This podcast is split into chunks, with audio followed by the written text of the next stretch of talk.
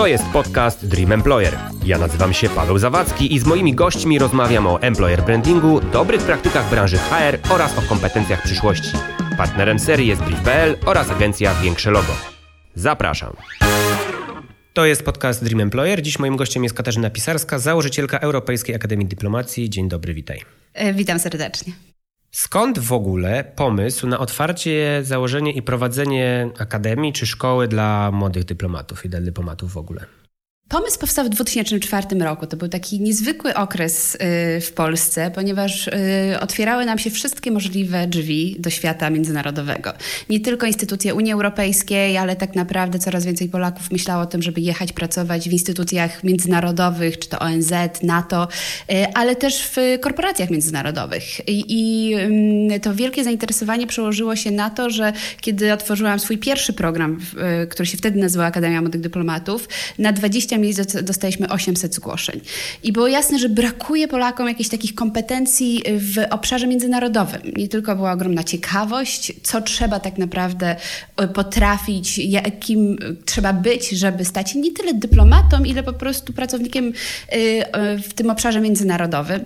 I stworzyliśmy pierwszy program, to był podyplomowy program, który rocznie wydawał i nadal wydaje 200, 200 absolwentów. Tylko oczywiście ten program musiał z czasem ewoluować ewaluować. I dzisiaj jest to program, który nadal ma 200 absolwentów rocznie, ale ze 100 krajów. E, więc umiędzynarodowaliśmy go, umiędzynarodowiliśmy go e, ogromnie. Dlaczego? Ponieważ podstawową kompetencją pracy w środowisku międzynarodowym jest umiejętność w pracy z innymi, z innymi kulturami, z innymi ludźmi, e, z różnorodnością. I ja odkryłam przez te 16 lat prowadzenia akademii, że można mieć najlepszych wykładowców czy trenerów z obszaru protokołu dyplomatycznego, negocjacji międzynarodowych, savoir vivre, ale tak naprawdę nic lepiej nie działa na te umiejętności prawdziwe niż kontakt z, z człowiekiem z innej kultury, y, czy osobą o innym zdaniu, innej opinii, innym światopoglądzie. Y, I myślę, że to, co udało nam się stworzyć w Europejskiej Akademii Dyplomacji, bardzo jestem dumna z tego, że to właśnie jest w Warszawie, że mamy międzynarodową tak naprawdę platformę nie dla Polaków, dla liderów z całego świata, którzy akurat tak się zdarza, przyjeżdżają do Warszawy i akurat robią taki program, który mogliby robić w Londynie, Paryżu czy, czy, czy Nowym Jorku, tutaj y, w Warszawie i przez to oczywiście poznają Polskę i dzięki temu też e, Polacy są bardziej narażeni na tą e, różnorodność, bo my jednak jesteśmy bardzo zamknięci w, mm, w swojej polskości e, I, i ten dialog, ta umiejętność respektowania innych, innych no mówię, światopoglądów nawet, jest jedną z podstawowych umiejętności pracy nie tylko dla dyplomaty, ale również dla każdej osoby, która w środowisku międzynarodowym chce zaistnieć, czy to są korporacje, czy instytucje międzynarodowe. Długą drogę przeszliśmy my jako polski naród przez te 16 lat, otwartości na inne kultury i na inność w ogóle? Ja myślę, że tą drogę, y, to jest droga niedokończona. Y, my ją rozpoczęliśmy, ale tak naprawdę jest jeszcze bardzo wiele do zrobienia. I z mojego osobistego doświadczenia y, pracy z młodymi liderami, zwłaszcza z młodym pokoleniem, chociaż ja też, nasza akademia pracuje i z, z, z osobami grubo po sześćdziesiątce, ale z tym młodym pokoleniem moje doświadczenie jest takie, że, że tej otwartości jednak nadal brakuje, ale przede wszystkim zainteresowania brakuje. W 2004 roku, kiedy wszystko rozpoczynaliśmy, było takie ogromne zainteresowanie, bo wszystko było nowe. Mhm. Stawaliśmy się częścią świata zachodniego. To pokolenie już prawie dwie dekady później jest dużo mniej e, ciekawe świata. E, wbrew temu, co się Świat uważa. się chyba w ogóle otworzył, tak? Tak. I, I już, to już nie jest takie niedostępne. Dokładnie, nie jest niedostępne i raczej i też, ponieważ jest tak duża, duża e, kompleksowość zjawisk międzynarodowych, wszyscy szukamy jakiegoś bezpieczeństwa w swojej tożsamości, takim swoim jesteństwie. I jest naturalny proces trochę domykania się. A w Polsce jest to o tyle prostsze, że jesteśmy jednak dosyć homogenicznym społeczeństwem. Poza Warszawą tak naprawdę zupełnie homogenicznym społeczeństwem. I to domykanie się w swojej tożsamości jest takie naturalne. I to moje doświadczenie, właśnie gdzieś to zauważyłam około 2014-2015 roku, tą zmianę pokoleniową nagle wśród młodych Polaków, gdzie zobaczyłam, że, że w kontekście kryzysu imigracyjnego jest takie, taki, taka właśnie obawa o własną tożsamość. Kim ja jestem jako Polak? Muszę bronić tej tożsamości. Ta obrona jest zawsze przeciwko komuś, nie chcę wiedzieć, nie jestem ciekawy, nie próbuję zrozumieć, nie, pokazu- nie próbuję pokazywać empatii. Empatia jest w ogóle kluczową umiejętnością, właśnie która się wytwarza poprzez obcowanie z tym drugim, z tym innym.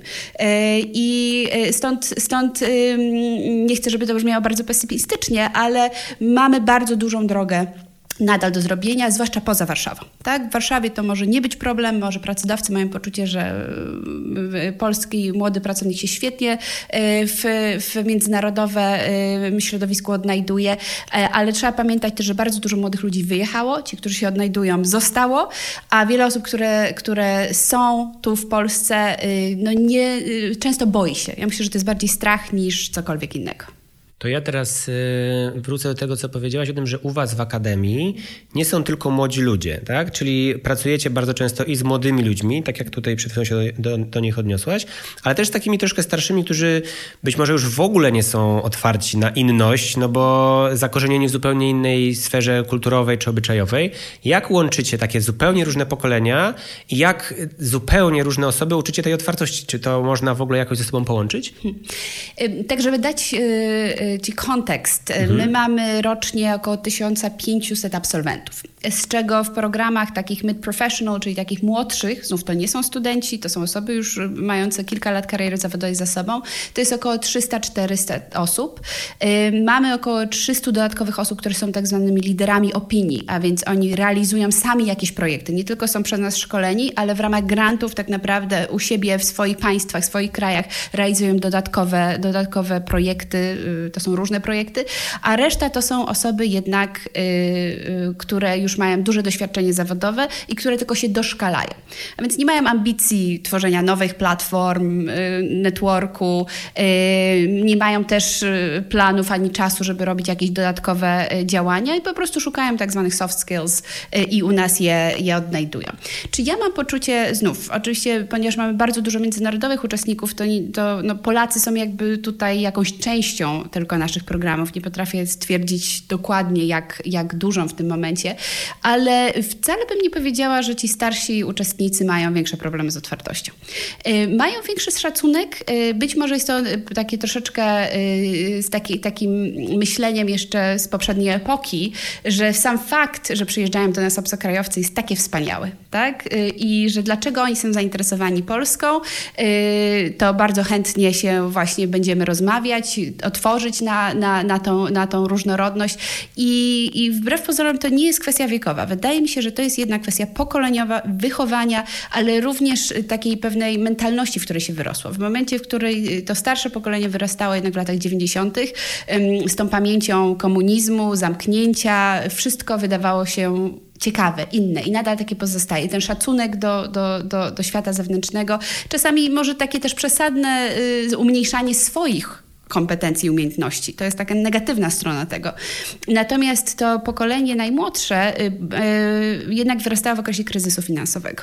I ten kryzys ukształtował je w sposób y, diametralny. Z jednej strony oni zawsze się czuli częścią Europy, świata, tak jak mówiłeś, wszystko jest otwarte, możliwe, ale z drugiej strony zobaczyli, że ten świat ani Polska nie oferują im nic na pewno, że o wszystko trzeba walczyć i y, pytanie jest dlaczego i po co y, i, i jak. I często właśnie w tym, w tym, na tym styku międzynarodowym oni pojadą, zobaczą, powiedzą ok, ale so what? No i co z tego, tak? No i co ja mam w związku z tym zrobić. Ani to nie, mnie nie ciekawi szczególnie, chcę sobie znaleźć jakąś swoją, jakiś swój obszar. Więc moje doświadczenie jest właśnie odwrotne, że bardzo często to, to pokolenie starsze, które wchodziło na rynek pracy w latach 90., 2000, to jest pokolenie, y, które najlepiej te umiejętności y, ciekawości świata międzynarodowe nabyło. To nowe pokolenie, ono ma inne umiejętności. To są umiejętności związane z mediami społecznościowymi, komunikowaniem się przez internet, które starsze pokolenie w ogóle nie wie, nie wie o co chodzi, yy, taką bezpośrednią łączność, ale też przez to depriorytetyzuje kontakt bezpośredni, yy, istotę rozmowy, istotę słuchania, umiejętności słuchania yy, i to myślę, że jest bardzo dużym, dużym problemem. No i wszystko sobie biorą też do siebie, tak? Jest takie poczucie, że, że jeżeli ktoś coś powie jako konstruktywną krytykę, to znaczy, że już ja jestem do niczego, albo ta osoba jest w ogóle jakaś nie, nie, dla mnie nie, nieciekawa. Więc na pewno trudniej się pracuje z tym młodym pokoleniem, przynajmniej tu w Polsce. Czego najczęściej szukają w Twojej akademii ci młodzi ludzie. No tak skoncentrujmy się na na tych młodszych ludziach, no bo mam trochę takie poczucie, że z tej twojej wypowiedzi wypływa trochę takie znudzenie światem. Oczywiście mają pewne kompetencje, ale to już, tak jak ładnie powiedziałaś, to oni nie są już tak zafascynowani tym światem, bo on się otworzył, zbliżył się do nich i wszystko jest dzisiaj na wyciągnięcie ręki. Więc czego szukają albo co jeszcze w ogóle może ich zafascynować z tego twojego doświadczenia? Przychodzą z przekonaniem, że potrzebują umiejętności miękkich czyli konkretnego szkolenia. Tak, negocjacje międzynarodowe, chcę zrobić pełen moduł, to jest to, po co tutaj jestem. Wychodzą z przekonaniem, że to nie było najważniejsze. Że najważniejsze był właśnie ten kontakt z tymi yy, ich kolegami z 40-50 krajów. Że po raz pierwszy spotkali yy, dziewczynę, która prowadzi wielki program dla kobiet w Afganistanie i która wywalczyła dodatkowe miejsca w parlamencie Afganistanu dla, dla kobiet i to, żeby kobiety miały większy, yy, większy głos, bo dzisiaj kobiety w parlamencie y, głosują tak, jak ich y, grupy głosują. Nie mają własnego głosu, mimo, mimo że są w tym parlamencie, więc de facto. I tego typu doświadczenia nagle, widząc y, osoby, które w telewizji oglądają jakieś odległe kraje, o których mają bardzo ugruntowane stereotypy i nagle spotykają ludzi, którzy tam żyją i ci ludzie są tacy sami jak my i mają te same ambicje, marzenia, ale też bardzo doceniają to, co my tu mamy, mamy, a czego oni tam nie mają, y, to myślę jest najbardziej doświadczenie, które zmienia uczestników naszych programów, jeżeli mówimy o Polakach, tak? Mhm. Jeżeli mówimy o Polakach. Ale właściwie wszyscy uczestnicy w, te, w takich programach, zwłaszcza tym rocznym, gdzie mamy 200, 200 y, naszych y, studentów, y, oni mówią, to jest jednak najważniejszy jest dla nas network. Przyjaźnie na całe życie, y, taki sposób poznania się w kontakcie z innymi. My mamy oprócz oczywiście całego programu i takiego merytorycznego i umiejętnościowego mamy całe moduły dotyczące przywództwa. I te moduły, grupy są podzielone, wszyscy studenci są podzieleni na grupy pięcioosobowe i przez cały rok pracują ze sobą y, w ramach ustrukturyzowanego programu, gdzie siebie poznają poprzez takie grupy terapeutyczne, by można było to powiedzieć, gdzie opowiadają o tym, skąd są, co ich motywuje, co jest dla nich ważne, jakimi wartościami się kierują, jakim liderem chcieliby zostać, gdzie widzą swój kraj za ileś lat, y, ale też co jest ich słabością, co, jakie są negatywne rzeczy, które ukształtują ukształtowały i być może zachowują się tak czy inaczej. I te grupy ma, są takimi grupami wsparcia, które po, pomagają nie tylko wzajemnie się w bardzo małych... Y, w ba, y, te grupy? Aha. Y, te grupy są nie tylko grupami wsparcia, które pomagają rozwiązywać pewne bieżące, bieżące problemy, poznawać się nawzajem, ale co ważniejsze, są takim długotrwałą inwestycją w pewien taki krąg za, zaufania. Tak? Wiele z, z naszych absolwentów nam mówi, o nadal jesteśmy w naszej leadership circle w kontakcie, nadal się spotykamy przez Skype y, raz na pół roku, nadal sobie opowiadamy, co się u nas dzieje, dzielimy się pro problemami. Więc to jest taki model, który ja wyniosłam z Harvardu, który zresztą jest używany przez bardzo wiele programów y, y, przywództwa, bo dzisiaj przywództwo to jest tak naprawdę kształtowanie samoświadomości, empatii i takiej samoregulacji. I to można tylko i wyłącznie zrobić nie przez szkolenie, nie przez trenera, który ci powie, tak powinieneś robić, a tak nie, tylko właśnie przez taką głęboką analizę samego siebie yy, i taką no, de facto psychologiczną, psychologiczną taką terapię przechodzoną z innymi, z innymi liderami. I dlatego mi się wydaje, te programy nasze mają takie duże znaczenie i zostają, zostawiają tak wiele po sobie, że to nie, nie jest tylko jakieś tam szkolenie. To jest naprawdę pewna podróż w głąb siebie razem z innymi, którzy są tak inni, a zarazem tacy sami. Czy to dlatego szkoła nie nazywa się szkołą, tylko nazywała się akademią? Tak.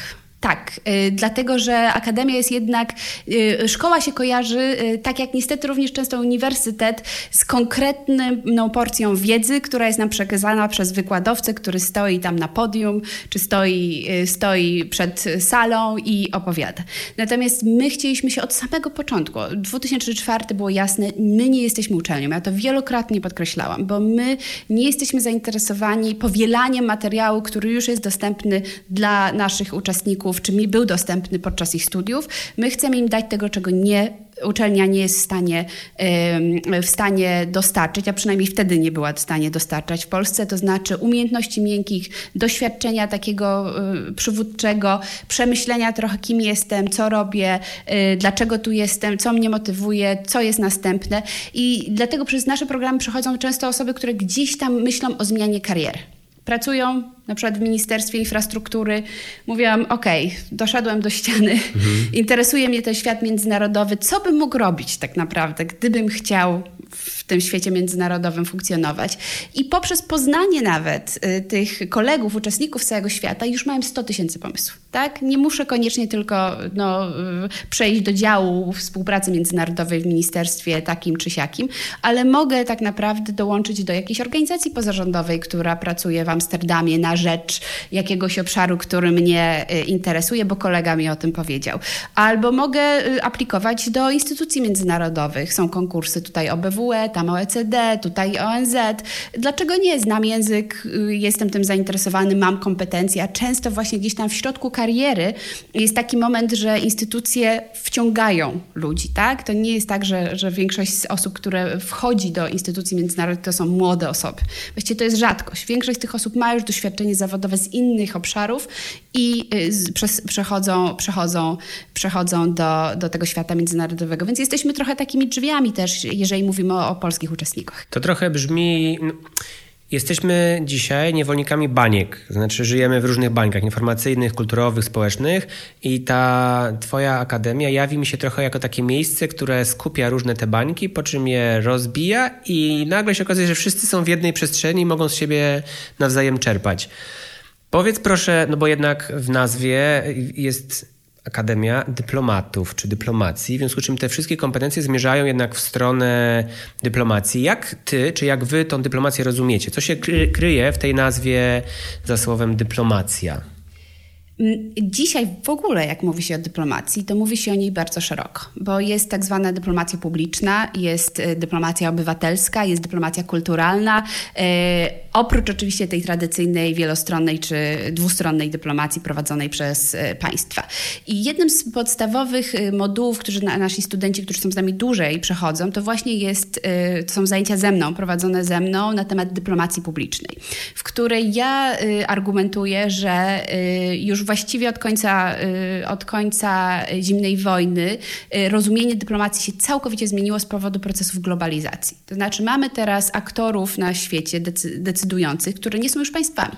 To są korporacje, to są organizacje pozarządowe, to są instytucje międzynarodowe i te wszystkie, y, te ci wszyscy aktorzy również kształtują dyplomację, politykę zagraniczną. Czasami Greenpeace jest w stanie zrobić dla klimatu 10 razy więcej niż rząd danego państwa, tak? A jest po prostu jakąś organizacją międzynarodową, y, organizacją pozarządową, y, ale poprzez, poprzez umiejętność docierania do szerokiej publiki naprawdę potrafi wpływać na politykę i na dyplomację w sposób znaczny. Więc to, co mówimy naszym uczestnikom, to y, dyplomatą można być w różnych kontekstach. I oczywiście w zależności od kontekstu ta, ta, definicja dyplomaty będzie trochę inna. To znaczy inne oczekiwania są od dyplomaty w Ministerstwie Spraw Zagranicznych, gdzie jest się urzędnikiem i tak jak są inne wtedy zupełnie oczekiwania od urzędnika państwowego, a innym jest, jest być dyplomatą społecznym czy też obywatelskim. Mówi się citizen diplomacy. Bo wtedy y, y, jest się właściwie takim, takim aktywistą, jest się takim startupowcem, jest się innowatorem, to jest zupełnie inny człowiek, który wymaga się od niego, żeby sam potrafił wychodzić z pomysłami, sam je realizował, który opierał się na, na sobie, a nie na jakiejś bardzo zamkniętej strukturze mm, decyzji, e, decyzji państwowych. E, więc nie ograniczamy tej definicji dyplomacji, wręcz przeciwnie. Dla nas dyplomacja to jest dialog międzynarodowy prowadzony przez różnych aktorów w celu osiągnięcia jakichś pozytywnych dla wszystkich wyników tak? I ci aktorzy to mogą być zupełnie różni aktorzy. Często y, nawet taka dyplomacja społeczna między narodami nawet w kontekście teraz obchodów Auschwitz albo w kontekście polsko-niemieckiego pojednania, ten obszar jednak społecznego dialogu ze sobą, tak, społeczeństwa niemieckiego i polskiego, ma dużo większe znaczenie dla przyszłości naszych relacji, niż tylko jeżeli dwóch polityków polsko-niemieckich się spotykają ze sobą. Więc patrzymy na to naprawdę szeroko i widzę, że nasi uczestnicy od wielu lat się świetnie w tym odnajdują. To znaczy widzą, że nie muszą być, czasami chcą, decydują się być ograniczeni do swojej narodowej dyplomacji, bo oczywiście wiadomo, że państwa mają ogromne narzędzia wpływania na politykę międzynarodową i to potrafi być bardzo satysfakcjonujące. No ale wiadomo, że zanim się dojdzie od szczebla, szczebla referenta do szczebla ambasadora, czy daj Boże, ministra, no to jest 20 lat, podczas gdy w tym samym czasie można zrobić znacznie więcej w jakichś organizacjach pozarządowych, czy wchodząc na wyższy szczebel, na przykład w instytucjach międzynarodowych. Więc to, to wszystko naprawdę, wszystko naprawdę zależy, ale dopóki jest ten dialog międzynarodowy, dopóki są wspólne cele ym, i też takie myślenie odpowiedzialnościowe, współwłasności za sprawy ziemskie, za sprawy globalne, to, to, jest, to jest dyplomacja. No bardzo szeroko nakreśliłaś tutaj definicję tej dyplomacji, więc ja bym się od definicji dyplomacji chciał przenieść do definicji dyplomaty, bo rozumiem, że to też musi być osoba, która tak samo szeroko jak traktujemy dyplomację, tak samo szeroko traktujemy dyplomatów, którzy mogą pracować w różnych obszarach. Więc takie pytanie dla mnie naturalne, czy każdy może zostać dyplomatą w takim razie, jeśli znajdzie sobie odpowiedni obszar?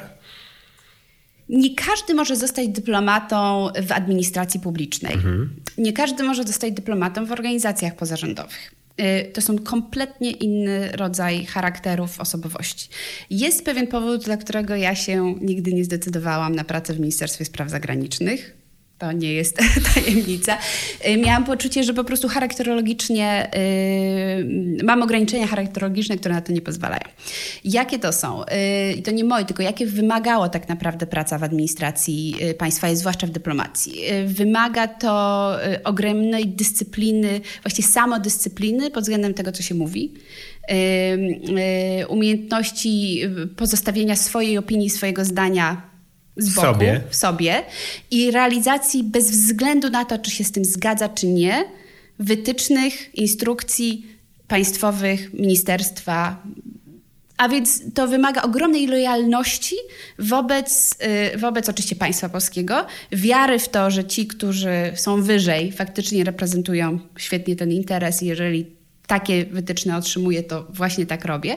No i niestety dyplomacji, czyli to są ze wszystkich krajów, no muszą potrafić kłamać, ale robić to w taki sposób, żeby, żeby...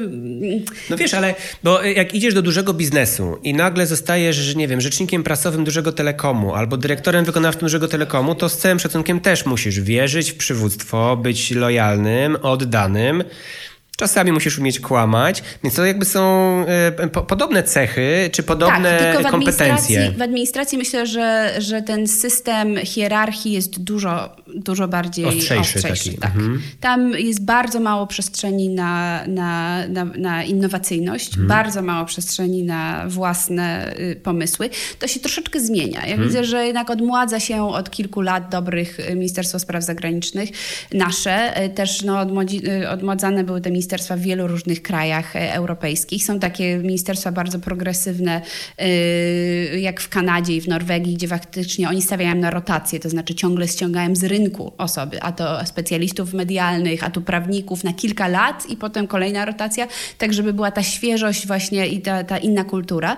Natomiast u nas nie ma takiego zwyczaju. U nas jest zwyczaj, wejdziesz do MSZ-u, zostajesz tam na 30 lat. I oczywiście z jednej strony łatwiej wtedy o lojalność, yy, ale z drugiej strony zamyka to kulturę MSZ-u bardzo na tę te, te, tą dynamikę niezbędną tak naprawdę dzisiaj, żeby funkcjonować yy, we współczesnym świecie. Ale oczywiście są obszary, gdzie na przykład w, w, w obszarze kultury kiedy MSZ prowadzi dyplomację kulturalną, tworzy osobny jakby byt, stworzony jest pod, pod, nie pod MSZ, tylko pod Ministerstwem Kultury, który się nazywa Instytut Adama Mickiewicza. No i tam faktycznie są za, za, zatrudniani menadżerowie kultury. Osoby, które wiedzą, co to znaczy, y, przepraszam, że tak brzydko powiem, sprzedawać polską kulturę, tak? W jaki sposób promować y, filmy, aby były nominowane do Oscara, w jaki sposób wywalczyć sobie tą scenę Carnegie dla naszego artysty, w jaki sposób y, przekonać Japończyków, że koniecznie powinni pójść na, na, na, na tą wystawę, bo jest tak unikatowa, jakoś wpisuje się w coś, co akurat w Japonii y, jest, jest popularne, ciekawe. Y, I to pokazuje, jak różne kompetencje dzisiaj są konieczne i po prostu część z tych kompetencji wychodzi jakby poza MSZ. Tak? One są, y, część działań MSZ zleca organizacjom pozarządowym, więc no, to jest, ale to jest po prostu konieczność. Tak? I teraz pytanie, czy też nie jest koniecznością jakaś zmiana wewnętrzna wewnętrzna w samym, w samym ministerstwie, jeśli chodzi o większą otwartość, czy jest to w ogóle możliwe, czy to jest to pożądane. To jest taka dyskusja, którą, którą pewnie, pewnie każdy minister spraw zagranicznych powinien ze sobą przeprowadzić. No tak, a, jak się odkleimy od ministerstwa, bo tak yy, zrobiliśmy sobie dużą soczewkę na, tak. na MSZ, ale jak sama powiedziałaś, ta dyplomacja jest obecna również w zupełnie innych miejscach, to czy tam yy, na przykład jest pewien typ, czy ty obserwujesz pewien typ charakterologiczny albo osobowościowy, który mm, bardziej niż inny przyciąga takie kompetencje, albo przyciągane jest przez takie organizacje, albo są... W administracji generalnie. Mhm. Dyskrecja mhm. na pewno. Umie, umiejętność, jeżeli nie jest się z politycznego nadania. Mhm. Bo znamy kilku ambasadorów na świecie, również w Polsce, którzy są bardzo, bardzo zjawiskowi i łatwo zapamiętać. Natomiast y, większość ambasadorów, którzy przychodzą z tytułu swojej pracy w MSZ-ach, to są osoby jednak niezwykle dyskretne, bardzo skupione na konkretnych celach, mające, mające, mające oczywiście wielką umiejętność słuchania, zbierania informacji, wyciągania wniosków. No i to najważniejsze to jest to, co my uczymy też u nas, umiejętności analityczne. To znaczy z bardzo dużej ilości informacji, którą, którą, która jest dostępna na miejscu w kraju, w którym jest goszczącym, y, wyciągnięcie właściwych wniosków, które potem dają podstawę do podjęcia decyzji w w państwie, y, z którego przyjeżdża dany y, dyplomata. Więc to jest taka trudna, naprawdę urzędnicza praca. Y, często się mówi szampan i kawior, ale, hmm. ale absolutnie. Ogromna część pracy to jest po pierwsze biały wywiad, czyli zbieranie informacji i wyciąganie z tego jakiejś analizy, a druga część oczywiście to jest bardzo ważne, umiejętność nawiązania kontaktów i utrzymania tych kontaktów, a więc ogromny warsztat od tego nie tylko, żeby wysłać, pamiętać, żeby wysłać kartkę na Boże Narodzenie, ale tak naprawdę umiejętność zarządzania, zwłaszcza w przypadku ambasadora, ale całej ambasady, często tysiącami kontaktów, które ambasada przez lata akumulowała i zarządzanie nimi w taki sposób, żeby one, żeby te, te, te, tą relację utrzymywać i żeby też w miarę możliwości budować na tym, a więc jakieś wspólne projekty, jakieś wspólne inicjatywy, więc to, to, jest, to jest naprawdę wymagająca praca. I to jest oczywiście tylko bilateralna dyplomacja, bo jest jeszcze wielostronna dyplomacja w ONZ, w e, Unii Europejskiej. To jest zupełnie inne umiejętności. Tam są potrzebne. Tam są potrzebne umiejętności y, ludzi, którzy są negocjatorami. Po prostu potrafią negocjować y, bardzo skomplikowane y, w setkach stron traktaty, umowy handlowe, którzy potrafią zrozumieć, co trzeba zrobić, żeby dany partner na coś się zgodził, gdzieś ustąpił, którzy potrafią przekonywać do swoich swoich racji, budować koalicje. No to y, wcale nie jest tak, że każdy dyplomata, mm, czy to jest z Ministerstwa Spraw Zagranicznych, czy powiedzmy sobie z Ministerstwa Gospodarki, który w, na, na, w relacjach bilateralnych się świetnie sprawdza, sprawdzałby się na, w relacjach wielostronnych. I yy, więc ja mogę powiedzieć tak, no na pewno w dyplomacji jest miejsce dla bardzo wielu różnych charakterów, nawet tej administracji y, publicznej, tak? I dla bardzo wielu różnych yy, umiejętności. Yy, natomiast no jest, jest jest zawsze pewne ograniczenie, że, że, że pracuje się, ale też to piękno tak naprawdę tego, pracuje się na rzecz państwa polskiego, czy na rzecz swojego państwa, reprezentuje się je bez względu na, na wszystko i zachowuje się lojalność wobec tego państwa bez względu na wszystko. To ja teraz chętnie wrócę do Twojej akademii. Jestem ciekaw, jakie na przestrzeni tych kilkunastu lat było największe wyzwanie w połączeniu tej międzynarodowej mieszanki, w nałożeniu jakichś ram programowych, w wyedukowaniu tych ludzi. Czy jest coś takiego, e, co wskazałabyś jako taką największą przeszkodę, którą udało się e, przezwyciężyć? Znaczy, ja, y, dla nas y, takie cudowne zaskoczenie jest to, że co roku mamy coraz bardziej wymagających uczestników. Coraz bardziej. To, ten jakby poziom oczekiwań wobec y, Europejskiej Akademii Dyplomacji nie tylko nie spada, ale faktycznie rośnie. I to wynika z kilku czynników. Po pierwsze, no, nasza instytucja ma już bardzo dużą markę. My jesteśmy de facto największą w Europie Centralną, jedną z większych w ogóle w Europie Akademii Dyplomatycznych, więc nas się porównuje po prostu do Madrytu, do Wiednia, i to samo się oczekuje. A my jesteśmy po prostu polską fundacją, organizacją pozarządową i funkcjonujemy w takich realiach trochę jeszcze fundacji, przynajmniej mentalnie, fundacyjno-pozarządowej, kiedy już powinniśmy de facto y, bardziej funkcjonować w takiej mentalności dużej instytucji. Y, więc sam fakt, że udało nam się jednak, co pokazuje fakt, że mamy coraz więcej studentów i 80% z naszych przychodzących z zagranicy, ale też z Polski właściwie, studentów to są z rekomendacji innych, więc to nie jest jakaś reklama, my właściwie nie prowadzimy działalności takiej typowo reklamowej, tylko po prostu rekomendacyjne. To, I to znaczy, że pomimo wzrostu oczekiwań udało nam się nie tylko ten poziom osiągnąć, ale często słyszę, że właśnie ktoś był na jakimś programie gdzieś tam w Paryżu, gdzieś tam był w Wiedniu i że w ogóle mm, oni nie dorastają do pięt temu, co tutaj, y, produktowi, które tutaj otrzymują za jedną siódmą ceny tak? Bo to też są mhm. takie realia. Y, y, my y, zresztą, mimo że na połowę naszego budżetu pochodzi z, z czesnego, z programów, to nasze ceny, jeżeli są płatne programy, one są utrzymywane jednak tej, tej logice fundacji, czyli mamy misję, y, nie jesteśmy y, instytucją for profit, y, więc staramy się po prostu tylko i wyłącznie pokrywać koszty programowe, nie zarabiamy na tym, nie mamy zysku. I to oczywiście sprawia, że mamy bardzo dużo zgłoszeń i możemy wybierać najlepszych tak? ponieważ no, wtedy dużo łatwiej jest, jest osobom w takich programach uczestniczyć. Ten czynnik finansowy nie jest determinujący i też mamy wspaniałych partnerów międzynarodowych, grantodawców, którzy nam pomagają w realizacji stypendiach dla tych najlepszych, najlepszych liderów. Więc to, to zdecydowanie z tego jestem najbardziej dumna. Jaki, jaki, y, jakby, jakie rzeczy są, są takimi rzeczami, z którymi myślę, że sobie jeszcze, jeszcze mamy dużo do, do zrobienia? To jest właśnie y, stworzenie, jak to w polskim tym obszarze organizacji pozarządowych jakiegoś modelu dalszego finansowania, y, który byłby finansowaniem y, takim jak Fundusz Żelazny. Czyli coś, co by nie sprawiało, że każdego roku się martwimy, czy budżet się dopnie, tylko że faktycznie tak jak instytucje często państwowe czy uniwersytety no, mają podstawę, dzięki której mogą oddychać i budować całą resztę swoich, swoich programów. Więc to jest taki obszar, który na pewno ja, jak myślę strategicznie o tym, gdzie, gdzie musimy zadziałać, e, to, to, to, jest, to tutaj zostawia sporo do życzenia.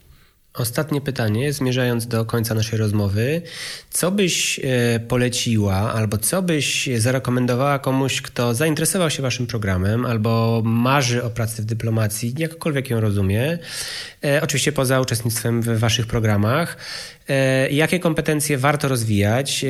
No nie powiem, gdzie warto bywać, bo to nie o to chodzi, ale chodzi mi o takie, jakie przestrzenie intelektualne warto wokół siebie rozwijać, żeby iść w dobrą stronę takiego bycia dyplomatą albo bycia zainteresowanym w ogóle tym światem dyplomacji? Znaczy to, to co w, w każdym obszarze jest ważne, to oczywiście bardzo dużo czytać i tutaj po prostu trzeba wiedzieć co i, i czerpać z bardzo wielu źródeł.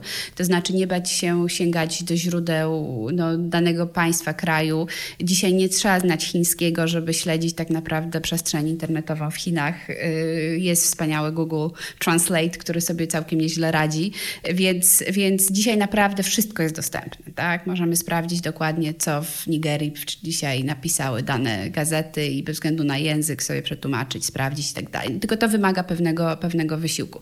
No ale oprócz tego jest, jest szereg tak zwanej klasyki e, międzynarodowej, nie tylko książki, ale też, czasopisma, więc to jest oczywiste. Więc nieustające dokształcanie się w tym obszarze. Druga rzecz, i to zwłaszcza dla osób na początku tej kariery, jest jednak konieczność pobytu zagranicznego dłużej niż trzy miesiące. My rekomendujemy generalnie półroczny do rocznych doświadczeń, czy to jest Erasmus, czy to są staże międzynarodowe, czy to są jakieś tam dodatkowe, dodatkowe możliwości praca za granicą. Nic tak naprawdę nie zastąpi y, kontaktu ze światem. I to jest trochę tak jak lekarz nie może leczyć, dopóki nie spotka prawdziwego pacjenta Chorego. i mhm. tak, i, i, i z nim trochę nie pobędzie i, i przejdzie przez nią, przez, przejdzie przez ten, tą chorobę z nim to tak samo dyplomata czy osoba, która pracuje w środowisku międzynarodowym, czy chce pracować, no nie może, nie może być kształcona y, tylko li w swoim kraju. Więc to jest w ogóle dla nas w Akademii na tych programach dłuższych pierwsza rzecz, na którą patrzymy, kiedy patrzymy na CV. Znaczy, kiedy ja wybieram, to e, razem z komisją patrzymy, co tutaj, kto aplikuje. Jeżeli ktoś nie ma już doświadczenia międzynarodowego, to, to my już jesteśmy, to, to, to, to, my już jesteśmy za daleko dla nich. To znaczy, to najpierw musi nabyć w ogóle podstawowych umiejętności doświadczenia międzynarodowego, a wtedy może te umiejętności miękkie dalej pogłębiać. Wtedy faktycznie czerpie dużo z takich, z takich grup wsparcia y, międzynarodowych. Wtedy to, ten program coś daje. Tak, żeby się zacząć od naszej akademii, to nie ma sensu, bo po prostu będzie się miało poczucie pewnej straty, że, że pewne umiejętności już się powinno mieć, a jeśli ich nie ma i bardzo ciężko jest to, to nadrobić w takich, w takich programach. Więc zdecydowanie, zdecydowanie to, to narażenie na, na świat jest jakby drugą absolutną umiejętnością. No i trzecia, którą uczelnie nie uczą, to jest ten, ta analityczne myślenie i pisanie. To znaczy nie, nie wypracowanie 20 stron i lejemy wodę, jak to często, tylko y, gdzie jest problem, jakie jest potencjalne rozwiązanie, 3-4 opcje tego rozwiązania, które jest najbardziej preferowalne, które naj, naj, najmniej korzystne dla naszego kraju i z takim jednostronicowym tym do pana ministra idziemy. I to jest to, co na przykład każdy dyplomat amerykański jest uczony. To jest jakby taka podstawa, to nazywam to policy papers taka podstawa w ogóle funkcjonowania y, w, w, w ministerstwach spraw zagranicznych, gdzie y, potrafi się rozłożyć bardzo skomplikowane problemy międzynarodowe na czynniki proste, co jest ważne dla nas jako kraju, co, jakie wnioski z tego czerpiemy i co z tym robimy.